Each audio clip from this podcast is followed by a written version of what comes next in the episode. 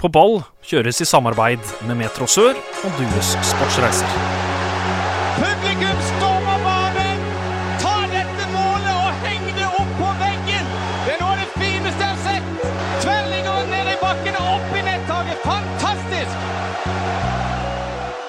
Hjertelig velkommen til en ny sending med På ball. Mitt navn er Håkon Kile, og den neste timen da blir det fotballsnakk her på Radio Metro. Det er påskeferie for de aller fleste, og da måtte vi gjøre plass til en påskespesial. Og med meg i studio sitter spillende kaptein og midlertidig trener i Vigør, Fredrik Karlsen, og tidligere Vigør, nå Donner, Fredrik Viljo. Hjertelig velkommen til dere begge. Takk, takk. Er, er, det, er det by- eller er det fjellpåske, Karlsen? Det blir eh, bypåske for meg i år.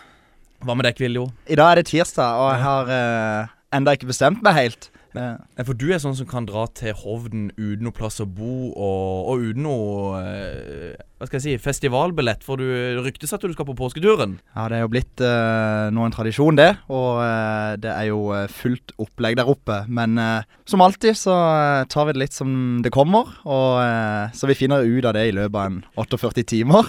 Er det, er det sånn at du har litt sånn eh, nesten eh, sommerferiemodus, i og med at bacheloroppgaven i sykepleie er levert? Ja, nå eh, er jeg veldig på stedet hvil. Eh, jeg går veldig og venter egentlig bare på å få eh, denne utdannelsen helt ferdig. Så nå går jeg egentlig stort sett og kjeder meg, og da åpner det seg jo opp tid for å gjøre dette. Det er absolutt det det gjør. Men helt kort, hva er det man skriver om i en sånn oppgave? Det er egentlig så godt som valgfritt. Det er helt valgfritt. Ja, Det er deilig med litt valg, valgmuligheter. det vil jeg si. Vi har fått inn en haug med lytterspørsmål. Først er det et fra Magnus Mjåland. Han spør uh, Kvilo, utdanningsvalg, skyldes det karriere eller personlig vinning? Ja. Eh, det er nok en god blanding, og det med at jeg var litt ambivalent i forhold til hva jeg skulle velge, så nå har jeg vært innom en del utdannelser. Men ja, eh, havna jo nå til slutt på sykepleien, og fullfører jo den da med 400 000-500 000 i studiegjeld. Eh, Karlsen, eh, du er satt i mål med det første året på lærerstudiet. Går det rette veien? Det går absolutt rette veien, vil jeg si. Og er du sånn som jeg var, at du eh, trasker rundt eh, i FFO-joggedressen? Eller er du sånn som legger sleiken og tar på deg poloskjorta og setter deg i kantina? Jeg kommer vel gjerne hvis eh, timen starter kvart over åtte, så kommer jeg vel eh, 14 minutter over og inn på bakerste rad med lua på. Det, Gjerne. det, høres, eh, det høres kjent ut. Så det høres kjent ut på Chile, gutter. Det gjør, det gjør det. Vi har fått et spørsmål til deg, Karlsen, fra Morgan André Karlsen. Han spør hva egentlig eh, Hva sa egentlig Karlsen til guttene i pausen mot Kvinesdal? For det var du som leda laget grunnet skade, og en trener som dro til Kina. Det stemmer. Vi må kanskje ta det aller først. Det stemmer. Vi har en trener som uh, fikk et ganske ja, skal vi si, luk lukrativt tilbud fra en klubb nede i Kina. Ja, for det var mye penger det var snakk om. Nei, det vet vi ikke, men uh, det er vel et tilbud man ikke får flere ganger gjerne i livet. Og da forstår vi, både spillere og ledelsen i klubben, at uh, man takker ikke nei til det tilbudet. Og dette sa han til dere etter seieren mot Fløy 2. Det gjorde han. Og så sa han at da neste helg så Han reiste på mandag, og vi hadde kamp mot Kvinesdal på lørdag. Hvor også vår spillende trener eh, Joakim Bunch var bortreist til England. Og med tanke på at jeg er en eh, god kjekspakke, gjerne skada tre-fire ganger i året Ja, Åssen er det egentlig med din egen, eh, din egen helse? I min egen helse, det er akkurat per dags dato så har jeg et lite sånn ja, stressreaksjon i noe knokkel i ryggen. For å gå inn på det blir jo vanskelig. Vi har jo heldigvis en sykepleier her som, som hjelper meg hvis det blir, blir for galt. Ja. Men nei, så da ble jeg spurt om jeg kunne ta et lite sånn lederansvar i den kampen. Ja, det lå under 2-0. Og så i pausen i Kvinesdal der var det litt som Istanbul 2005. Hva sa du egentlig? Det er ikke så mye å si. Det var litt tilbake til gamle trakter. Brukte gjerne ordet tante. Ja. De spilte litt som gjeng med tanter, for å referere til Ole Erik Martinsen, da. Så sa jeg nå er det ut, vi har reist eh, halvannen time bort til Kvinesdal. Nå kan vi i hvert fall ut og ha det gøy de siste 45. Så var det et lite taktisk bytte om til en bytteformasjon. Og så var det Så spiller vel ja, kanskje de beste 45 minuttene vi har spilt uh, i år. Så det, Ja. var, det var meget gøy. Åssen eh, reagerer du når dere setter inn 3-2-målet på, på benken der? Nei, Da ble det en sånn der eh, Sånn hele benken står sammen og feirer som at det skulle vært noen sånn startfeiring. trenere og spillere. Og så var ned på knærne og gi en liten knyttneve. Så det var Litt klopp òg. litt, litt klopp med brystslåing. Bare sånn i forlengelsen av det du sier med Ole Erik Martinsen og de pausepratene han hadde. Han snakka jo eh, gjerne litt sånn i bilder og metaforer, og snakka jo gjerne om eh, et band fungerte, og hvis da ikke gitaristen møtte opp, så ville jo ikke resten av bandet fungere. Og vi satt jo der, og ingen skjønte jo et puck. Men likevel så vant vi jo mye, men eh, all honnør for det. Det var et lite mirakel, da. Så det var veldig gøy. Karlsen, blir eh, Vigør topp fem i årets fjerdediv? Jeg vil tro det, men jeg tror også årets fjerde blir ekstremt jevn. Du ser jo det nå begynner Det er allerede ganske jevnt etter tre runder. Ja, Så det, men topp fem eh, vil jeg tro. det er ganske mange lyttere som, som spiller breddefantasy. Hvilke Vigør-spillere må man ha der? Ja, nå har vi jo i hvert fall eh, fått i gang eh, Markus Tannum, som har begynt å, å putte delmål, og Joakim Johansen, da. Og så har vi jo en liten sånn het potet på, på høyre venstreback, som uh, skyter jo når han får mulighet. Og tar også nå straffer. Lasse Byklum. Så det er de tre. Ja, de tre per dags dato vil jeg, vil jeg anbefale. Hvilket uh, lag er det du tror som vinner, uh, vinner fjerdedivisjonsavdelinga? Vi så det nå vant akkurat fløy to over Ekspress. Ja, nå er jo disse andre lagene Nå har jo de fått lov til å ta med seg de som sitter på benken til førstelaget. Det hadde de jo ikke lov til de to første rundene. Så det Ja, jeg vet ikke om vi skal ta den andrelagsdebatten her. Jeg tror det kan, ta, kan ta litt tid, det kan men, litt for eh, lang tid, ja. Nei, skulle jeg satt penger på noen, så er det lov å bare si vi gjør det, da. Ja, det skal du få lov til. Så, så, så får vi se når vi teller opp i oktober. Ja, men eh, Flekkefjord er vel òg ganske Ganske gode i år, som de pleier å være. Og sånn uh, helt til slutt der, uh, hvem er det som ser svakest ut? Hvem tror du rykker ned? Oi, det er Det er, Er det Tveit? det er tidlig å melde, men det ser ikke ut som Tveit og Randesund er, er helt oppe på De har, ikke- ikke våkna helt fra Vinterdalen ennå. Nei, men nå kommer vel De kommer vel snart i gang, de òg. Men Nei, kanskje Tveit, ja. Uansett, tvi-tvi. Eh, resten av sesongen, det er fortsatt lenge igjen. Helle mitt inn, herja og krim. Vriml og kryr, vi går i stil. Oktober 18 ble vi til den beste klubben her. Er vi er Vikør, vi er Vikør. I eh, studio i dag sitter jeg altså med Fredrik Karlsen og Fredrik Viljo. Og det kom inn, eh, som jeg sa innledningsvis, en rekke lytterspørsmål. Tidligere Vigør, nå Frigg-spiller Chris Safari skriver Spør Karlsen om bunch for straffer på trening også, og hvem som bruker mest såle av Jonas, Jesper og Tobias Christensen. Om han får straffer, eller om han får ta dem på trening. Ja, Får han straffer? Blåser dere på, på sånne ting? Nei, han får jo tyn. Han er vel den som ramler mest innenfor 16, både på, på trening og kamp. Han har jo så lange bein at det ja. Og Hellemyr er blitt litt humpete òg nå, så han, han faller jo i alle tuster. så han klarer å få litt straff på kampen på trening så, Ja, så slår vi hardt han har jo litt det. høyde. Han har litt høyde, og så er han jo kanskje blant de dårligere på hodet i tillegg. så det, det er en dårlig kombinasjon, det der. Men så spør du altså hvem bruker mest såla Jonas, Jesper og Tobias Christensen. Da mener han kanskje Jonas Christensen, Jesper Daland og Tobias Christensen, tror du det? Ja, det må være. Ja. Det var jo, vi fire var jo på Vi fem med Christer Farre òg, var jo på Senora samtidig. Og det var jo Ja, det er jo såledragninger hele tida. Så akkurat den er vanskelig. Men jeg tror kanskje Jesper Dala må, må trumfe den, altså. Jesper Daland eh, der, altså. Kviljo. Ja. Eh, Mathias Larsen Avjord spør Kan ordkunstneren Kviljo fortelle om alle sine ro i land-unnskyldninger etter diverse forseinkomminger under, under juniortiden med Ole-Erik Martinsen? Hvordan ble han ansett i noen kretser som et like stort talent som Tobias Christensen som tolvåring? Og hvor hadde han vært i dag uten skader? Følte du at du ble hardt ramma av skader? Uh, ikke at jeg ble hardt ramma, men uh, at jeg tok noen uh, feil valg mens jeg var skada. Det er ikke til å stikke under en stol. Nei, noe spesielt? Ja, det åpna seg eh, kantine på Grim skole. Hele Meny som var rett over Ja. Meny og den uh, ferskvaredisken der. Eh, og eh, så er det jo klart at eh, en blir jo introdusert for en del nye venner som holder på med sitt. Og eh, det er klart skal en gli inn, så må en være med. Ja, For du var ikke noe særlig å se på Krik Hellemyr? Du var der kanskje ei eller to ganger? Ja, det ble med de to gangene. Ja.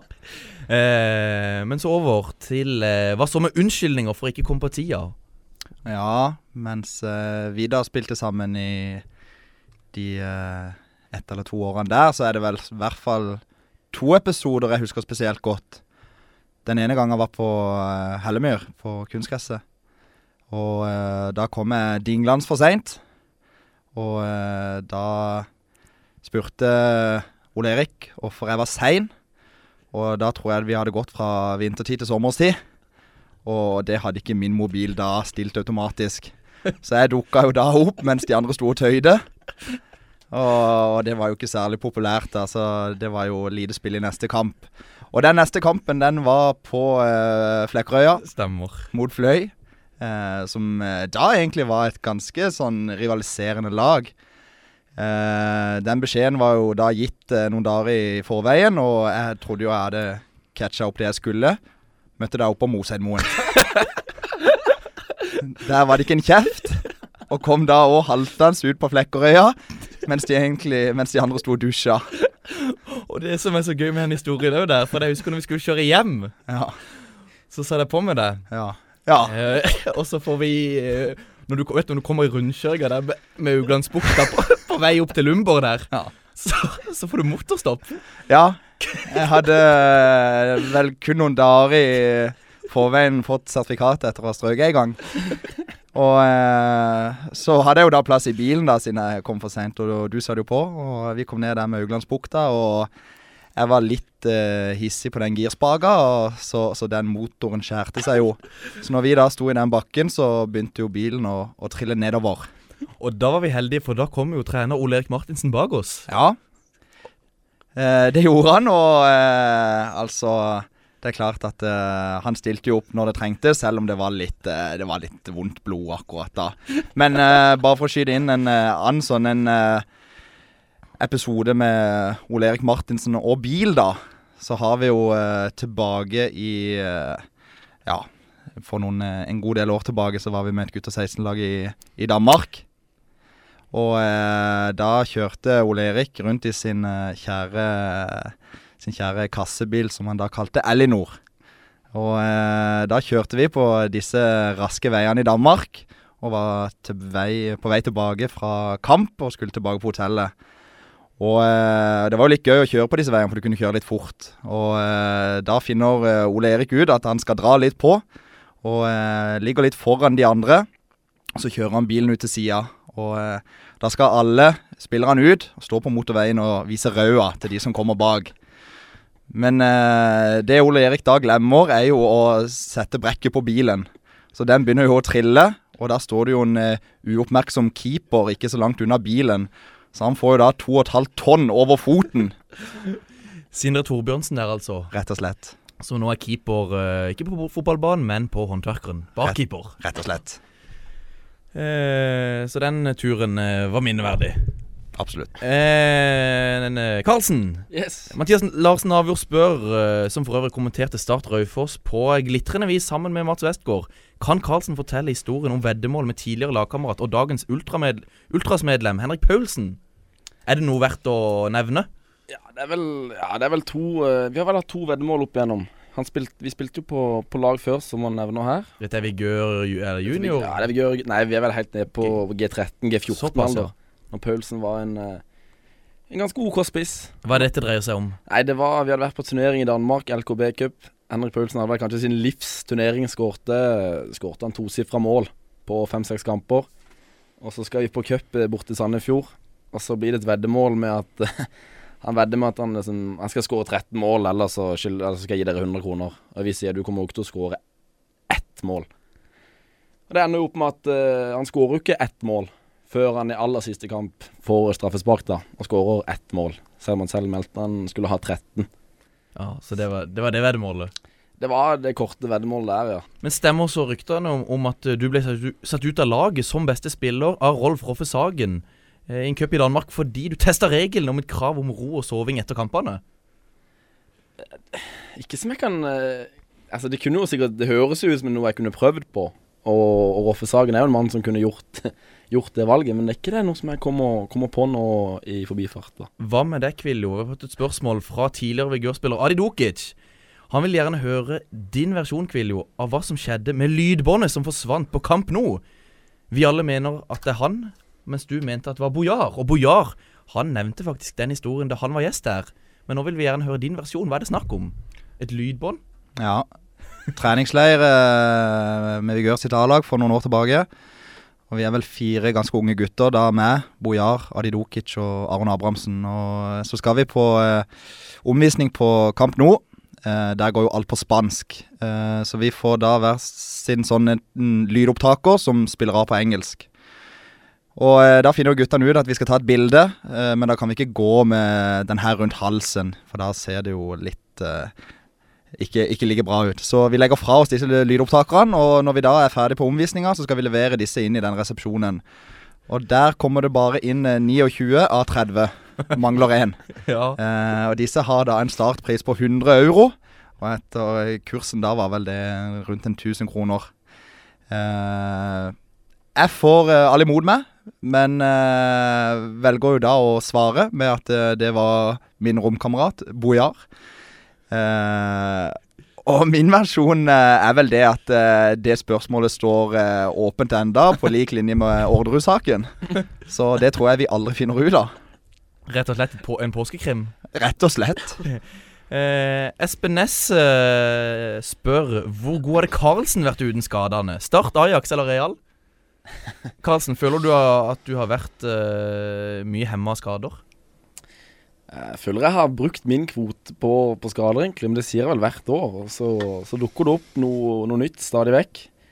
Men eh, hvor god man har vært uten skadene, det Du har jo vært i Aalborg. Jeg var i Aalborg med, med Erlend. Det var jo bare én som ble igjen, da. Ja, jeg, reiste, jeg reiste hjem med båten, og han ble igjen. Det var vel kanskje den tida når dere begynte å bli litt tørste begge to?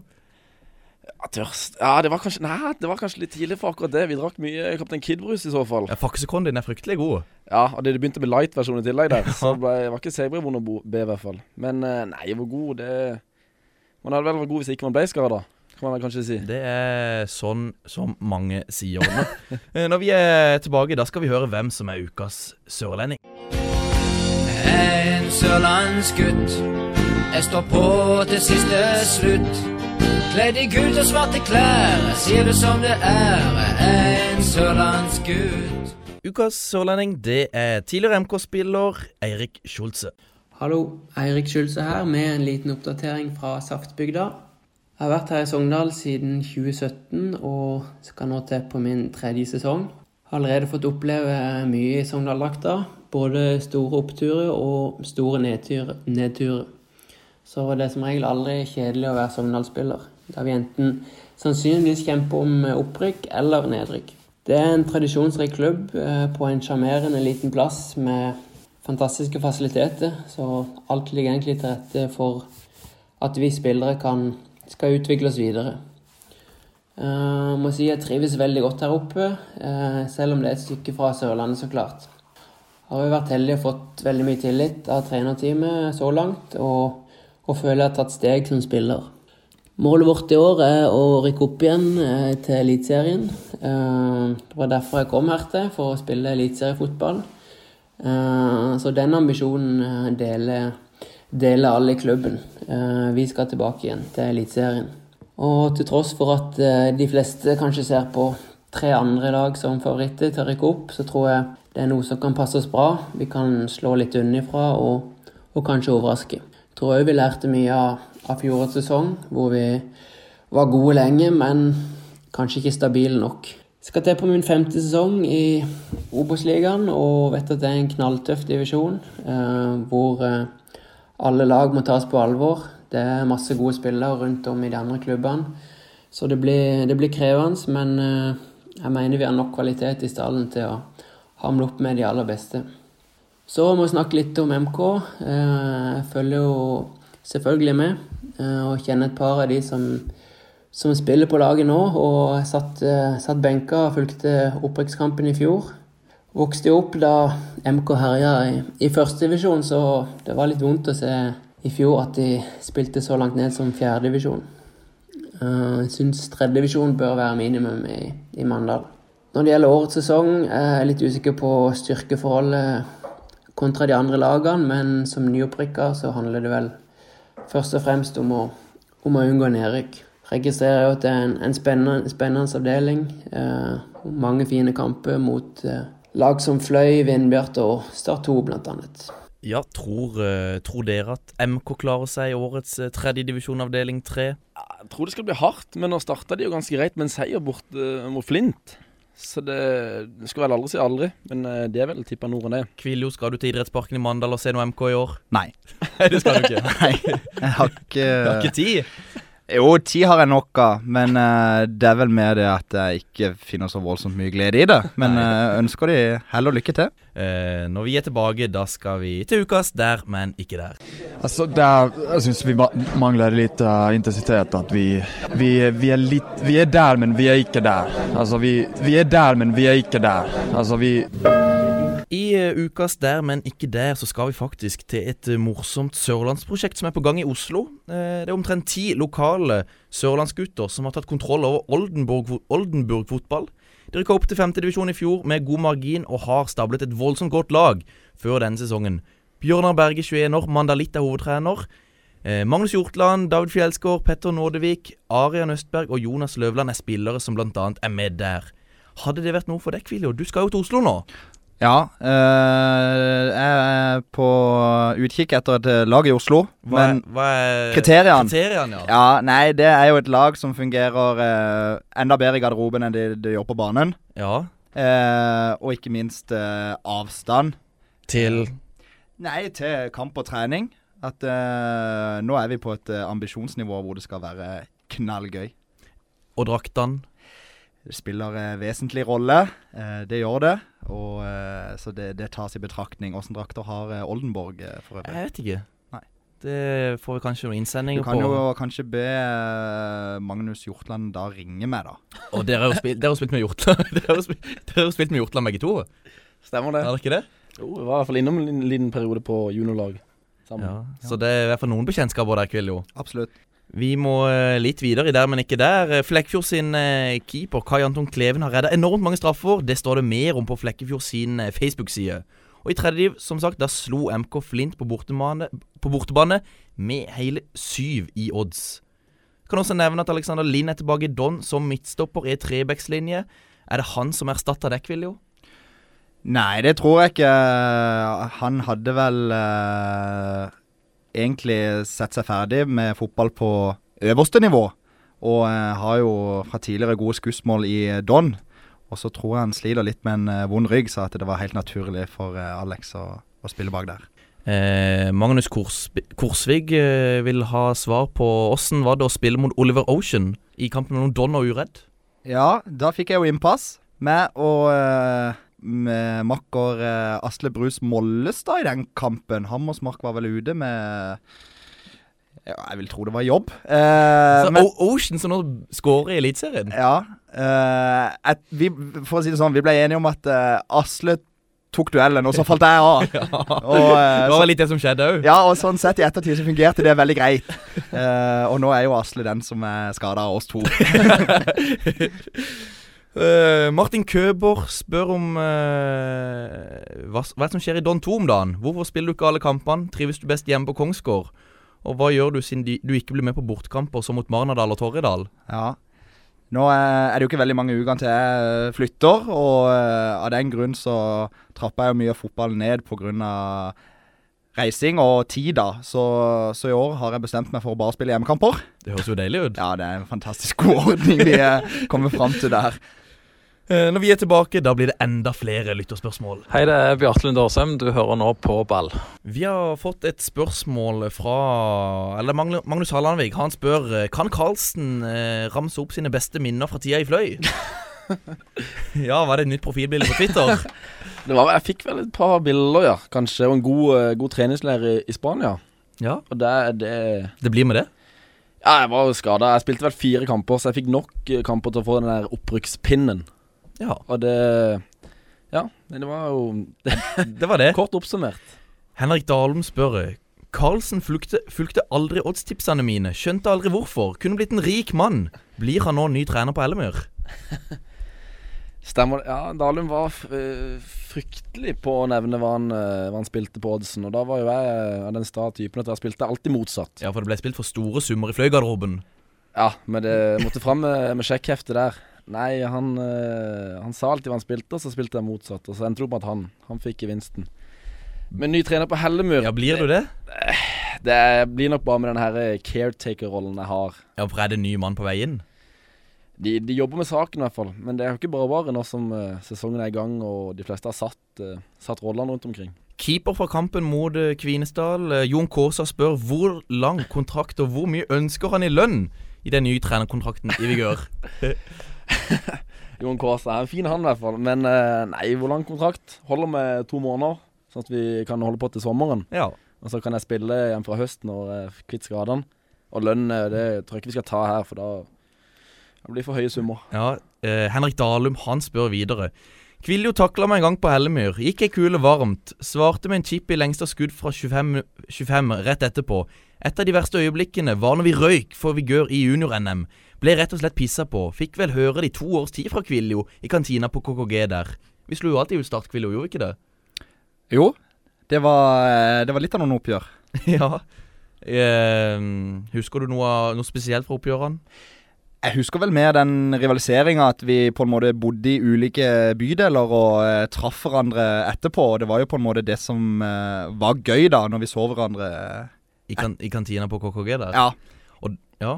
Var, var mye Det var mye eh, heder og ære i det. apropos kantina på KKG. Marius Vestvik spør kan Kvillo sette opp det beste five- five-side-laget fra KKG 94-kullet.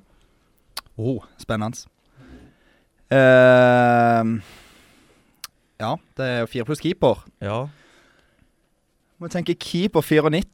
Der tror jeg vi står med to alternativer. Eh, Simen Sandnes, som valgte en karriere eh, innenfor trommer. Og Simen Nikolai Pedersen, ja. også gammel eh, Våg-traver. Så jeg tror vi står på Simen Nikolai Pedersen. ja.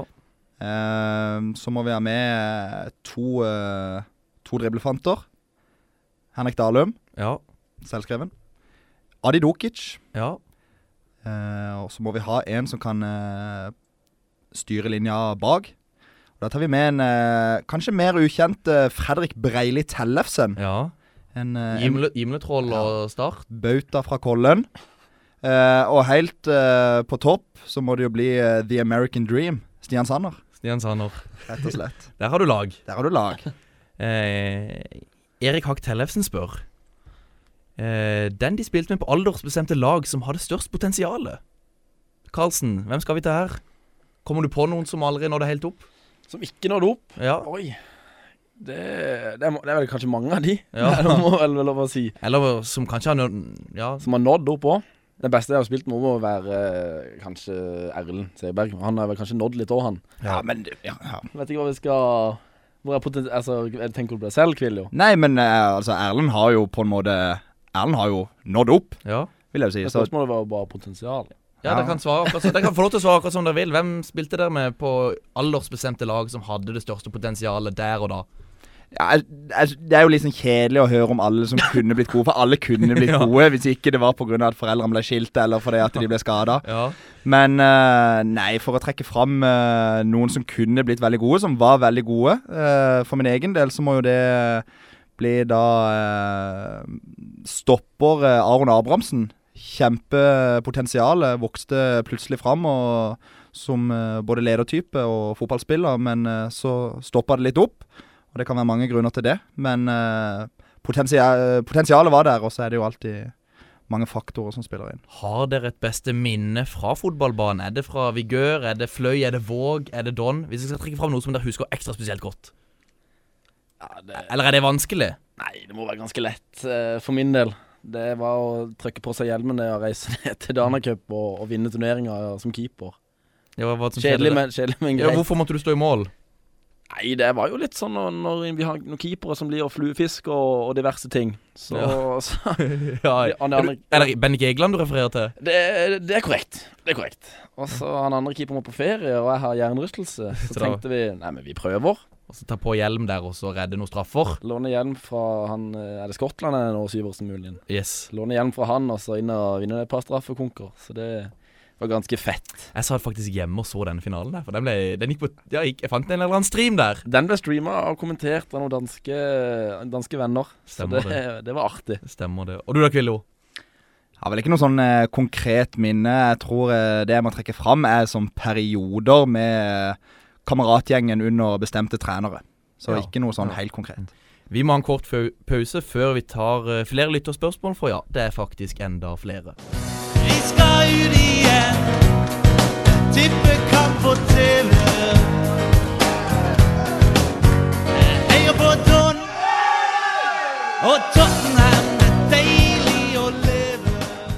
I eh, studio i dag sitter altså Håkon Kile sammen med Fredrik Karlsen og Fredrik Viljo. Og vi har fått inn som sagt en haug med lytterspørsmål. Eh, Fløyspiller Lasse Sigurdsen spør Treningsleir til Gran Canaria november 2016. Hva skjedde der, og hvorfor endte gutta opp som tre pluss to? Hva skjedde? Skjedde det noe, noe helt sykt? Nei, altså tre pluss to er vel det at uh, Det er fem. det, det, er, det er korrekt. Det er, det er jo det at Lasse og Øyvind Kjesel og Ole Fredrik Thorsen har bestilt tur da til Gran Canaria. Og så har Lasse samtidig holdt det gående med, med Erlend om at han ville på tur med de. Og så ble det ikke noe med det, men så finner vi Erlend ut at vi skal reise. Og da bestiller vi akkurat samme tur, akkurat samme tidsrom og alt det samme. Vi bor på samme hotell. Men Var det tilfeldig? Det var, det var tilfeldig, men ikke tilfeldig. Ja. det han å si. Ja. Så vi endte opp på helt lik tur uten å reise sammen. Og endte opp der nede, da. Der- Sammen. Derfor tre pluss to. Der er vi tre pluss to, så det var en fin tur, da. Men Karlsen, Daniel Simonsen skriver 57 hjernerystelser. Det faktum at han muligens er den beste keeperen i vigør, og gjerne noen historier om hvem som er ivrigst på lagfest. Du er jo forsvarsspiller, Fredrik, men eh, hvor har du fått disse keeperferdighetene fra? Nei, du, de keeperferdighetene, det, det tror jeg bare er ren flaks, altså. Eller det er Vær litt sinnssyk i hodet, tror jeg, så redder du et par skudd. Du er jo litt mer atletisk enn meg og Kviljo. Ja, det Det er du jo. Det kan, kan gå med på det, men jeg har et par Vi- år å gå på. Ja, Vi hadde ikke trampoline i hagen, hadde vi det? Jeg hadde på hytta, men du hadde kanskje noe trampoline i hagen, du, Karlsen. Du har det enda! Jeg har fortsatt trampoline, Ja. så hvis noen er interessert i noe Stoklin brassespark, så er det bare å komme og, og Ja. øve. Men best på lagfest, ja. I vigør. Det er jo Oppe i vigørhallen der. Ja, vi har, ja. Nå har jo han slutta, da. Men vi hadde jo en eh, fluefisker som gikk litt over ja, han, han kunne li å ta festen, da. Keeper Bendik Egeland. Keeper Bendik Egeland. Den Siste gang vi så han, eh, lå han vel i trappa og holdt seg fast, for det var ganske glatt. Men det er vel litt sånn med de jegerne og fiskerne. De, de liker det best sånn. De liker det best litt i sånn fuktig miljø, kan man si. Eh, ja, jeg tror vi må over eh, på deg, Kviljo, for vi har fått eh, et, et spørsmål. Eller det er Magnus Måland. Han skriver det. Han vil høre mer om nattevakta på Sørcup i Sørlandsparken. Hva var det egentlig som skjedde? Ja. For dette er jo dugnad under Ja. Sør- Sørcup. Ja, ved siden av å betale Agders høyeste kontingent, Ja. så stiller vi også opp på x antall timer dugnad, som i og for seg er hyggelig. Og for anledninga så var det Pink Party i uh, Sørlandsparken. Konsert med Marcus og Martinus. Og eh, da var det meg og tidligere lagkamerat Espen Langåker, nå eh, bosatt i Bergen, som skulle ha nattevakt der og passe på hifi-utstyr. Og da satt vi i ei sånn ei, eh, sånn ei eh, potetbakervogn. Skulle dere, Var det nattmat dere sto og serverte? Nei, vi skulle egentlig bare gå en runde på området og passe på utstyret. Og eh, vi begynte vel klokka ti og var lei halv elleve. Um, og eh, Dette skulle dere holde på med hele natta? Hele natta. Og eh, de første uh, ivrige fansene kom jo allerede i femtida for å stå uh, foran på den konserten. Og da hadde jo vi Da hadde jo vi sittet inni i den vogna i x antall timer. Og kom da litt sånn eh, halvbedugga ut på, på morgenkvisten der. Men til- hadde dere sovet? Nei, vi hadde ikke sovet. Vi fant på en del andre ting. Ja, Hva finner man på i en sånn potetbakerovn? Nei, det er jo eh, litt, Det er jo litt sånn uten mat og drikke, så duger helt nikke. Spesielt sistnevnte. Ja. Så eh, det ble vel egentlig med det. ja. Så, det- men dere fikk eh, Ja, dere fikk vel opp oppmøte? Fikk for oppmøte. Fikk for oppmøte? Men at vaktholdet var så bra, det var kanskje Jeg hadde ikke kommet inn på Politihøgskolen. Nei. Nei. Eh, Magnus Mjåland vil også høre om ditt bidrag til botkassa til Don Herre A, samt din mangle, manglede evne til å ikke betale bot til IT-frister. Ja, alle sånne systemer er jo så Det er jo som Kinni sier i Alle gutta, alle sånne systemer er jo så korrupte. ikke sant? De finner sine ofre, og så bare hiver de på noen bøter og så sier at du må betale det og det. Eh, og etter ei uke så fant jeg meg jo ikke i det, for det, at det kom jo noen helt sånn uhorvelige summer. Uh, og det lot seg jo ikke gjøre på det der stipendet fra Lånekassa. Så, uh, så da måtte vi bare finne ei løsning hvor vi tok et gjennomsnitt fra hver måned, og så fikk jeg heller betale det i, i slutten av måneden, for det at Jeg tar jo godt til meg på disse festene. Men er det tilfeldig at du alltid havner i de situasjonene, Kvill? At du alltid blir den som de tar? Tror du det? Nei, men også tror jeg på en måte folk mer eller mindre godtar det. Ja, sånn så vidt det. Så vidt det ja.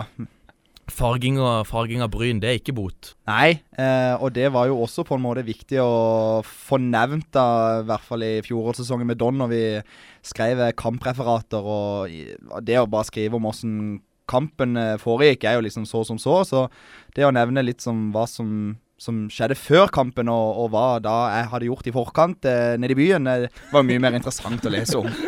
Å, det var veldig gøy å se etter de der eh, cupkampen mot eh, Start, var det vel. Det var vel når du Første sesongen din i Don, var det det? Da spilte Ja. røyk 8-0 for Start eller noe. Første runde, ja. Ja, eh, og de er inne i ja, de inne i garderoben og skal intervjue dere etterpå der, og du og, Ja, åssen tar du det? Nei, jeg tenkte jo at uh, det var jo Det var jo Er det NRK? Eller en Feven?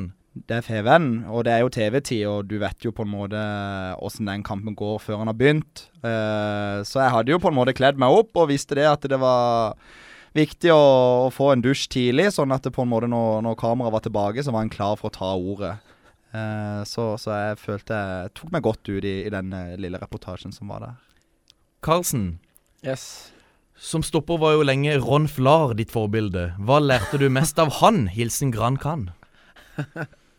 Ron Flar, tidligere Aston Villa-stopper. Ah, det, ja, det er jo en uh, Gran Can. Det er jo igjen 3 pluss 2-historien, da. Ja. Dette regner jeg med kommer fra Ole Fredrik Thorsen, muligens.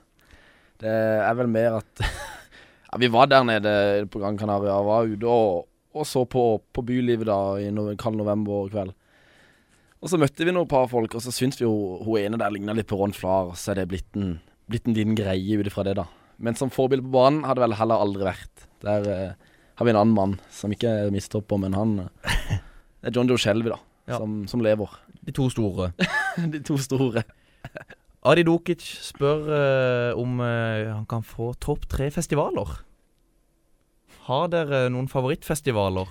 Og da er det altså sånn at vi må til Hovefestivalen. Ja. Den må vi ta. Eh, det er mange som har spurt om den. Er det det, ja? Kviljo, eh, du har vært på Hovfestivalen? Ja, flere, opp til flere ganger. ja. Men den historien som alle vil høre om, hva var det som skjedde der? Mm, For det eh, er kamp, det er kamp den helga. Ja, det er kamp den helga, og eh, det er bortekamp, og det er festival. Det krasjer. ja. Og eh, jeg vet jo eh, allerede fra tidlig den sesongen, etter å ha på en måte besøkt de fleste innbytterbenker i hele begge Agder-fylkene og Rogaland, så var ikke jeg spesielt interessert i å sette meg på den ferja til Jørpeland. For dette er buss med Leif Otto Paulsen og Stian Urestad. Ja, det er en viktig kamp. Og, eh, og samtidig så, så går eh, Hovfestivalen av stabelen bort på Tromøya. Og um, jeg setter meg på den bussen. og uh, Ga du beskjed? det var vel ei trening dagen før der jeg fikk spørsmål om hvor jeg var. Um, og uh, da sa jeg det at uh, meg og mine to eldre brødre skal på en konsert med et band som uh, betyr, uh, betyr mye for oss, og har betydd mye for oss opp igjennom. Og det var jo i og for seg ikke greit, eh, men samtidig så syns jeg på en måte det var innafor å si det. Eh, og når vi da sitter på eh, denne campen, så kommer det en eh, journalist fra Dagbladet, Dagbladet hen og spør om han kan eh, ta et bilde. Og eh, det får han jo grønt lys for. Eh, så jeg stiller jo da opp i bar overkropp på dette bildet med begge, be- begge armene ut til sida. Og eh, får jo da spørsmål i ettertid om det var gøy på Hovfestivalen med brødrene mine. Og eh, ja, kan vel si det sånn at eh, det ble vel ikke akkurat så mange minutter i de neste kampene. Det er ikke alltid det er lurt å havne på forsida. Nei, det kan du si. I hvert fall ikke i verdens gang, kanskje. Nei. I hvert fall ikke i verdens gang. Eh, så Hovefestivalen er på topp tre. Ja, han er helt der oppe. Den er helt der oppe. Karlsen, eh, vil du tilføye noe annet enn Hovefestivalen? Jeg har vært innom Hovefestivalen selv en gang, og så Ja. er det vel egentlig bare Palmesus. Så jeg har ikke vært så mye rundt om. Hovefestivalen, Palmes, Palmesus og Har vi noe mer å Skal vi, eh, skal vi ha litt snikreklame for Skral borti Grimstad? Ja. Sjarmerende. Ja, det kan vi gjøre. Når vi er tilbake, da blir det en liten påskequiz. Mitt navn er Slatko Tripic, og jeg lytter til På ball. Siden det er påsketider og nærmer seg høytid, så må vi ha en liten påskequiz. Og da er det jo også lov for dere som hører på, å prøve å se om dere kan svare raskere enn mine to uh, gjester. Fredrik Karlsen, er du klar? Jeg er klar. Fredrik Kviljo, er du klar? Sk skri skrig ut uh, Kviljo eller Karlsen, altså etternavnet ditt, hvis du har lyst til å svare. På hvilken dag red Jesus inn i Jerusalem? Kviljo. Ja, hva er det? Palmesøndag. Palmesøndag, riktig. Hvilken dag hadde Jesus sitt siste måltid Karlsen. med Ja, Karlsen? Det er skjærtorsdag. Det er skjærtorsdag. 1-1. Hva het forbryteren som ble sluppet fri da Jesus ble korsfesta? Kviljo. Kviljo. Barabas. Det er Barabas. Der, har, eh, der kan deres uh, påskeevangeliet. Der er du rask. Meget sterkt. Hva er det norske navnet på stedet der Jesus ble korsfesta? Åh. Kviljo. Ja. Det er jo Det er ikke Golgata. Det er Golgata. Det er det. Det er det. Den, den skulle du få. Takk. Den få. Den Takk for det. Takk for det. Hva het disippelen som nekta for at han kjente Jesus? Hva het disippelen som nekta for at han kjente Jesus? Nei, Jeg har ikke KRLE som fag på UiA, altså. Bare gjette. Ja. Er det han som nekter å bli vaska på beina? Det er Nei, nei, jeg skal ha et navn. Judas, da? Nei, Nei. det er Peter. Ja. Jeg tror det ble eh, knapp seier til Kviljo. Det. Men det kommer et, eh, et lite spørsmål til her. Hvilken spiller skal vi fram til her? Han har vunnet Premier League. Han har vunnet ligacupen to ganger. Han skåra også City sitt mål i 3-1-seieren over Sunderland i 2014 i den ligacupfinalen der. Han har to Europaligatitler, to Copa del Rey-trofeer. Han har vunnet VM 2010. Han har vunnet EM 2012. Spanjol. Ja, David Silva? ikke David Silva. Han ble han, han eh, blant annet nekta eh, han å være med i preseason i USA og droppa flere ganger ut av Spania sine treninger grunnet sin kroniske hjemlengsel. Jesus Navas. Jesus Navas. Ja. Det er riktig. Den der er god. Eh, Der er du god, Karlsen. Vi må videre til ukas drømmelag. Norges lag nummer én Rune Almenning Jarstein. Nummer tre Kjetil Wæler. Nummer fem lagkaptein Brede Hangeland. Da vi kommet til spalta Drømmelag, spalta der hvor gjesten eller gjestene tar med seg et lag. Bestående av spillere de har spilt med, spilt mot, spillere de kan se opp til. Ja, veldig spent på hva vi får her. Om er det en gjeng fra Brun Arena, eller Makron Arena som det heter nå, eller er det en gjeng fra Flekkerøya? Er det Donnere? Hva får vi her?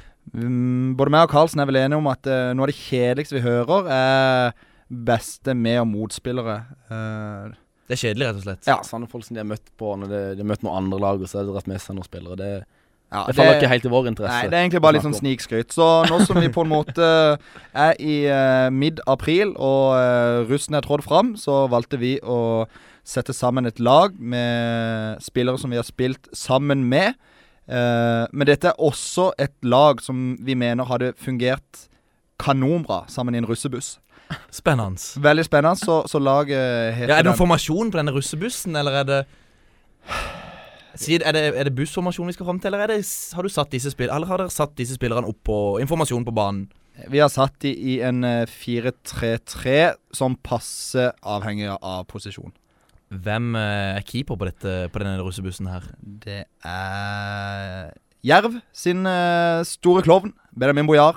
Det er klart det. Er klart det. Ja, han må med i enhver uh, russebuss. Han hang jo uh, på hummeren oppe i tverrlegeren der uh, Ja når da. vi var en seks-syv år. Ja da, så han er, han er selvskreven. Og uh, forsvarstrioen Uh, det blir fire. Det blir fire. Vi kan begynne fra venstre. Og da tar vi med en med lang fartstid i bransjen. Nettopp Magnus Mjåland. Har jo vært innom eh, en god del klubber og har vanvittig god oversikt og et, eh, et godt fotballnettverk. Så, så det å ha med den eh, venstreslegga hans i var utvilsomt. Litt, liten uh, Lionel Messi lookalike. Ja, det kan man si. Videre på stoppeplass så har vi med Asle Brus Mollestad. Egentlig utelukkende fordi han uh, nevnte, seg, nevnte meg i sitt lag. Men uh, for å ta med en kort historie om han, så kan vi nevne det at vi var i uh, Fjerritslev på uh, sånn uh, budsjettreningsleir i fjor, uh, som eh, veldig mange andre lag er. Og eh, når vi da skulle reise hjem på eh, søndagen, så I Danmark? Ja, i Danmark med, med, med Don sitt herrelag. Så eh, skulle vi reise hjem da tidlig på søndagsmorgen. Asle møtte på kaia. Han møtte på kaia? Asle møtte på kaia. Vi hadde som alle andre lag hatt en sosial kveld i Aalborg, som da er en eh, times tid ut forbi Fjerritslev. Og eh, vi andre kjørte i privatbiler fra Fjerdslev, og så plukka vi Asle opp på kaia. Hvorfor vet jeg ikke, men eh, vi møtte han nå i hvert fall der. Og eh, hans gode venn og kollega i Nordea, Brian Jensen, pakka Asle sin bag. Det får bli en annen historie. Det er greit å få de yngre til å pakke. Ja, det er noe med det. Ja. Er det venstre vekk vi skal ha, da? Nei, det er neste stopper. Neste stopper. Det, da har vi omskolert en, en keeper, da, til, til midtstopper. Ja. Det er ingen ringere enn Nils Fredrik Udjus. Nils Fredrik Udhus. Han har høyden, i hvert fall. Han har høyden, og han har eh, Han hadde både på og utenfor, utenfor banen som hadde kommet godt med i denne russebussgjengen her. Ja, det tror jeg. Og så er det sistemann i forsvar. Så er det sistemann i forsvar. Det er Thomas Ingebrigtsen. Kaster jo langt. Han kaster langt, og det stopper vel egentlig der. Og så er det jo heller ingen som vet hvor gammel han er. For han er jo på fester med alt han, alt han kjenner. Hadde Riel trengt han i dag? For jeg ser Riel sliter i fjerdedivisjon, Karlsen. Riel kunne kanskje trengt en, eh, en innkastmann, ja, og en som kunne dratt, eh, dratt det sosiale i gang, tror jeg. Så de savner nok Thomas. Han har nok med, med Rema 1000 om dagen nå. Og så er det Og hvor mange var det på midtbanen, sa dere? 4-3-3. Eh, Da er det Ja, er det høyre indreløper vi skal ha? Begynner Vi, fra vi kan ta høyre inn rett opp til høyre. Det er ingen ringer enn Philip Dahl, Philip Dahlia. som, eh, som utelukkende er med et, Som ble med på dette laget utelukkende fordi vi hadde en, eh, en treningsleir i Danmark. Hvor vi òg har en sosial Men var det når han var med i Vigør? Han var i vigør. Han var der eh, et halvt års tid før han reiste videre til studiet. Som han, Er det noen som vet hvor han er i dag? han er i Oslo fortsatt, tror jeg. Så vidt jeg, Ja. så vidt meg bekjent. Ja, Men på den eh, turen til Danmark, da? Nei, da er det en sånn sosial kveld, siste kveld. Eh, Gutta eh, deler noe godt i glasset. Bestemmer seg for at vi skal ta en eh, 45 minutters taxitur til Aalborg. Philip er veldig på. Eh, på veien inn til Aalborg må vi stoppe tre ganger på motorveien fordi han skal, han skal ut, og, ut og spy litt. Og når vi kommer fram til, til Aalborg, så går vi alle ut av taxien. Og Philip går egentlig bare fra baksetet og inn i forsetet og sier til taxisjåføren at 'jeg skal hjem'. Så han satt uh, halvannen time i taxi da, den kvelden. Ja, det er godt taxi ikke er så altfor dyrt. eh, sentralt på midten der. Ja, da er det Bohemen fra Vågsbygd. Teddy Moen-produkt. Markus Sørensen. Markus Sørensen. Lange krøller eh, tilbake i tid. Eh, Ja. Elegant spiller. Et av de største talentene som i hvert fall vi har spilt mot, eh, Håkon. Det er det. Og eh, falt vel litt av med årene, men hadde vel eh, et vanvittig potensial. Men, men sleit også med en del skader. Men, men fungerer i dag, etter hva jeg vet, vanvittig bra sosialt. det studerer han ikke noe sånn psykologi eller noe sånt? Jo, jeg tror i hvert fall han på en måte er i hvert fall med i faddergruppe. ja, du kan komme langt med det. Ja, du Nei, det er jo bare fire måneder til fadderuka, Karlsen, så jeg regner med du har alt på stell. Jeg har allerede meldt inn i faddergruppe, altså. det er bare søk lærerstudiet, men det gikk vel frist nå det går. Nei, men Hadde vi ikke den tidligere Vigør og Don-spilleren Kvile som bare dukka opp i, i Oslo der? Uh, ikke i Asl... eh, ikke Atle Audun, men Ja, det er jo en annen historie. Eivind Are Endresen, som uh, reiser inn til Oslo i eh, august måned og setter seg i Slottsparken når det er etter første skoledag. Og eh, sammen med sykepleierstudentene. Og eh, rekker da opp hånda og sier at han ikke har fått gruppe, for det- han har jo selvfølgelig ikke søkt studie. Han får da utdelt ei eh, jentegruppe på sikkert eh, 20-30 jenter, Ja. og er da med i syv dager i strekk. Og da kommer 100 kroner-spørsmålet. Er dette noe du blir å gjøre i august? Skal aldri si aldri. Eh, da har vi kanskje kommet til venstre indreløper. Det har vi, og der uh, Det er vel en vi aldri har spilt med, noen av oss. Vi har, uh, jeg har gått med på KKG toppidrett, og det er Henrik Holmesland. Henrik Holmesland. og altså det, det er vel aldri en som Han passer vel mest inn på laget her i form av russebuss og, og tida vi er i nå. For det var en morgentrening på KKG. Eh, 96-eren var russ, og han ja, De kommer på trening, de ler litt og hadde litt sånn vært ute dagen før. Og så pasningsøvelsen går ikke helt veien. Pasninga går ikke akkurat der han skal. Og så står han der, og, og vår, vår trener da, Alf Erik Svela, står og gir instrukser mens eh, Holmesland står og, og ler litt. Og så, så kommer jo Svela hen til Holmesland da, og, og helt opp til han og bare sier eh, eh, 'puss på meg'. Og da, da tar jo Holmesland et godt drag og, og spytter jo løs eh, en tre-fire promille ut i Ja. på Svela, og, og avslutter treninga der. Holmesland han har vi møtt på øyehopping eh, i Hellas, Kviljo. Han møtte vi Var det på, var det på Skiatos? Det var eller? noe i den duren der. Ja, så vi har, vi, kan, vi har jo spilt sammen med han, vi òg, kan vi si. Ja. Eh, de tre der framme. Ja, da går vi bare rett opp til, til venstre kant. OK. Og det, da må vi ut til, til Temptation Island. Ja. Vi må ut til en som flytter ned i ei sommerbu ja. i april-mai månedsskiftet. Sett mye bilder derifra. Ja, det er mye bilder av han eh, Det er gjerne bilder av han i, i, i forgrunnen, så at du ser kroppen. Og det er Lasse Sigurdsen. Ja, for der ryker skjorta fort. Altså, skjorta har vel egentlig aldri kommet på etter at han røyk i kneet for et par år siden. Så han, eh, han vet å, å leve livet samtidig som han kan prestere på banen. Så det, han er vel òg litt, eh, litt selvskreven, da. Vil jeg si. Når du bor i ei sommerbu. Da er du selvskreven på en russebuss. Det vil jeg si. Og så videre. Vi tar uh, spissen. OK. Spare det Eh, beste til slutt på høyre kant. ja. Fysisk eh, unikum på topp. Ja. God i det meste. En annen som eh, vi også har eh, vært på tur med, Marius Harv. Marius Harv. Eh, Treningsleir her og der. Ja. Eh, tok jo da et friår og brukte det på Hovden, eh, Ja. Marius Harv. Eh, og han var også en del av denne eh, denne turen eh, som vi da kalte øyhopping. Det var jo også midt i sesongen, og det var jo klart at det var mye finere å si at en skulle på øyhopping enn at en Var det, var det da du ble ønska så varmt velkommen hjem på Snap-kontoen til Don? Ja, da hadde vi jo dette prosjektet som mange lag kjørte med at vi hadde ei uke hver. Og da kom det et fly flyvende over Kongsgård eh, når vi spilte mot Viking 2. Og eh, da ble dette lagt ut på My Story, og der sto det 'Velkommen hjem, Fredrik Viljo'. Når skal du ha ansvar for Eller om det er ikke du på Don A lenger, men det var veldig gøy å se disse imiteringene av Steinar Skeie. Ja. De er jo noe som eh, De ble tatt eh, veldig godt imot av både far og sønn. Ja, men det er godt. Skeie med glimt i øyet, begge to. Absolutt. Må vi videre på Eller er det sistemann, da? Det er sistemann på, på høyre kant. og Ja. Da, Kviljo, har vi noe Hvem skal begynne? Hvem skal Jeg kan uh, si helt innledningsvis det er jo storebror da til nåværende stjernespiller uh, Tobias Christensen, altså Jonas Christensen. Og vi husker jo kanskje noen år tilbake i tid hvor, uh, hvor det da var en overgang mellom Vigør og Start, og der uh, mangla det noe utdanningskompensasjon. Ja, men det var eh, Vigør fikk en god del penger for Jonas. Ja, men så er jo saken det at når det kommer til utdanninga til Jonas, så er jo verken bygg og anlegg eller det påbyggsåret aldri fullført. Nei. Så hva de fikk igjen for den utdanningskompensasjonen er jo ikke godt å si. Nei. Men uh, han hadde gjort seg på en russebuss. Ja, det, vi må jo ta en liten kort historie. Altså, han har jo, for det første har han jo en, en haug med kallenavn. Han har jo gått gjennom uh, Det som vel klinger mest, det er vel Rusty. Ja, Hvor kommer det fra? Skal, skal du ta den, Kviljo, eller? Du opplevde jo Du får æren. Jeg får æren. Nei, det er vel det at det er, det er hyttetur. Gutta er klare for å, for ut i bakken. Funnet fram skiene sine bredt. Og så, så kommer da Jonas ut i noe ja, For det første har han på en sånn der lyseblå anorakk som ikke Du ser han jo fra, fra Hellemurtoppen opp til, til Hovden. Ja. Og det brettet som han kom med, det vet jeg ikke om han har brukt før. For det tror jeg bare har ligget i noe i garasjen. For det var, det, en, det var så rustent. Og da, da kommer jo Kviljo med kommentaren om at uh, det kom Rusty òg, ja. Ja. Men, klarte han seg i bakken, eh, godeste Jonas Christensen? Nei, kun på afterskien. Kun på afterskien. Og så har vi den på, på morgenen vi skulle spille bortekamp. Ja.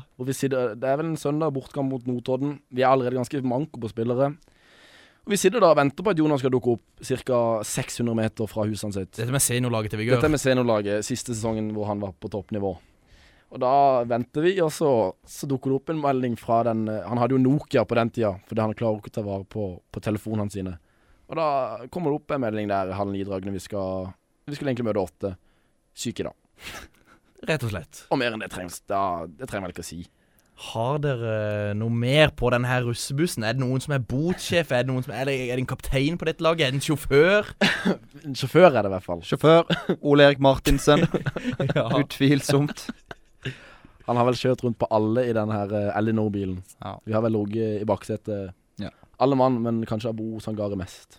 Så blir jo da eh, Kviljo Karlsen rullesjefer. Rullesjefer. Ja. Er det knutesjef her? Ja, Hvem er den største rabagassen? Nils Fredrik Udius? Jeg tror Udius må ta knutesjefrollen der. Men når dere skal ut og spille kamp, da har dere en draktfarge? Oh. Er det Jan Thomas-farger? Er det Ja, vi går for en litt sånn eh, En litt sånn dus brunfarge. Dus brunfarge. Ja, litt sånn Ja. Ja. Eh, vi, det, jeg må jo ha dere til å svare på hvor den her eh, Jeg vet at etter rusttida så er det kanskje ikke så mye penger igjen, men det kan ha kommet inn lite grann, så får dere råd til å dra til klatreparken høyt og lavt på Hellemyr, eller er det Evjetun, eller er det, er det ut eh, Vet ikke, Sørlandsparken? Hva, hva, hvor vil dere dra? Det er jo på en måte en veldig sånn botvennlig gjeng. Ja. Eh, så, så i løpet av en hel sesong så vil det jo bli noen kroner i kassa. Og hvis en skulle sette pila et sted, så tenker jeg altså En skal aldri kimse av øyhopping, og da kanskje nærmere bestemt Rådås. Ja. Vi har noen konger vi kjenner eh, derifra. Ja. Karsten, du blir med på tur. Jeg blir med på tur. Ja. Det, jeg må, noen må jo passe på. Helt til slutt, er det noe dere eh, gleder dere til eller ser fram til, sånn fotballmessig?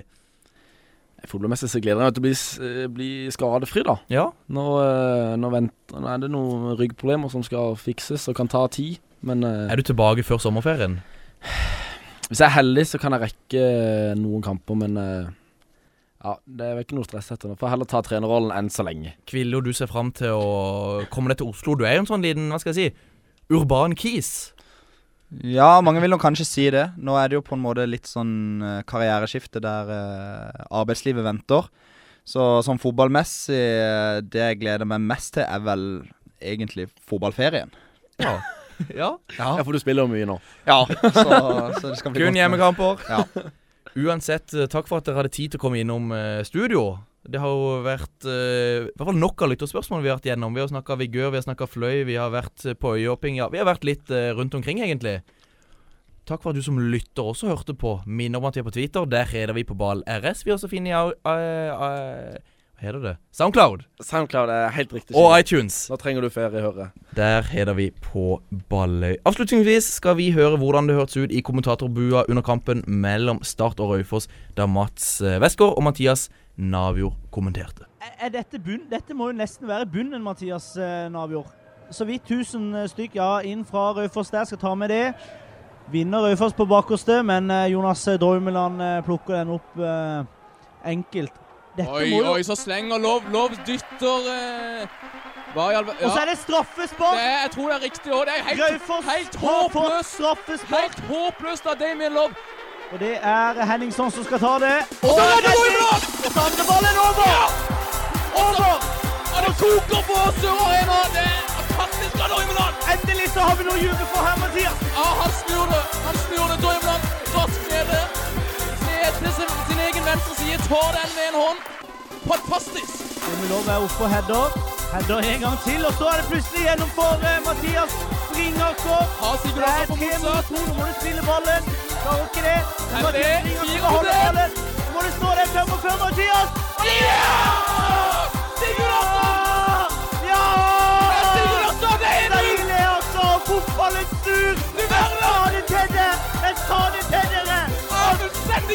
Fotballen kan snu på ett sekund, og det er akkurat det de gjør. Benken stormer. det de gjør. Benken stormer til Sigurdarsson. Og det er så deilig! Det er så deilig, og dette er bare Obos-liv, men dette er fotball! Dette er fotball! minutter! Tre minutter etter det så som styggest ut. Og så er det en nydelig ball av Tobias mot Kasper Skånes. Kasper Skånes finter! Og så er det mål! Og så er det mål! Og så er det mål! Og så er det mål! Det er Skånes. Og det, Fantastisk ball av av Christensen først. det er vigørgutten Tobias Christensen som legger en eh, lite mot eh, Kasper Skånes. Kasper Skånes tar en Ronaldo-pinte og setter han inn i eh, lengste for eh, Raufoss-keeper Ole Kristian eh, Løvli. Og da må vi bare ha ett mål til til start nå, så har det jeg mente de skulle gjøre, da har de gjort det. Nemlig å skåre tre mål. Ja, Skånes. Det er fantastisk gjort. Først en glimrende ball av Tobias Christensen. Med høyre tror jeg det er opp til og med. Slår den. Skal se, nå får vi reprisen her òg. Tobias demper han på kassa, slår han med venstre, nesten blindt. Ut til Skånes. Skuddfinte, og så tørler han i lengste. Rett vekk med Nilsen, tror jeg det. Rett opp i bua med han. Curler han med venstre. Inn i lengste. Uttakbar på keeper. Start 2-0. Det er så deilig.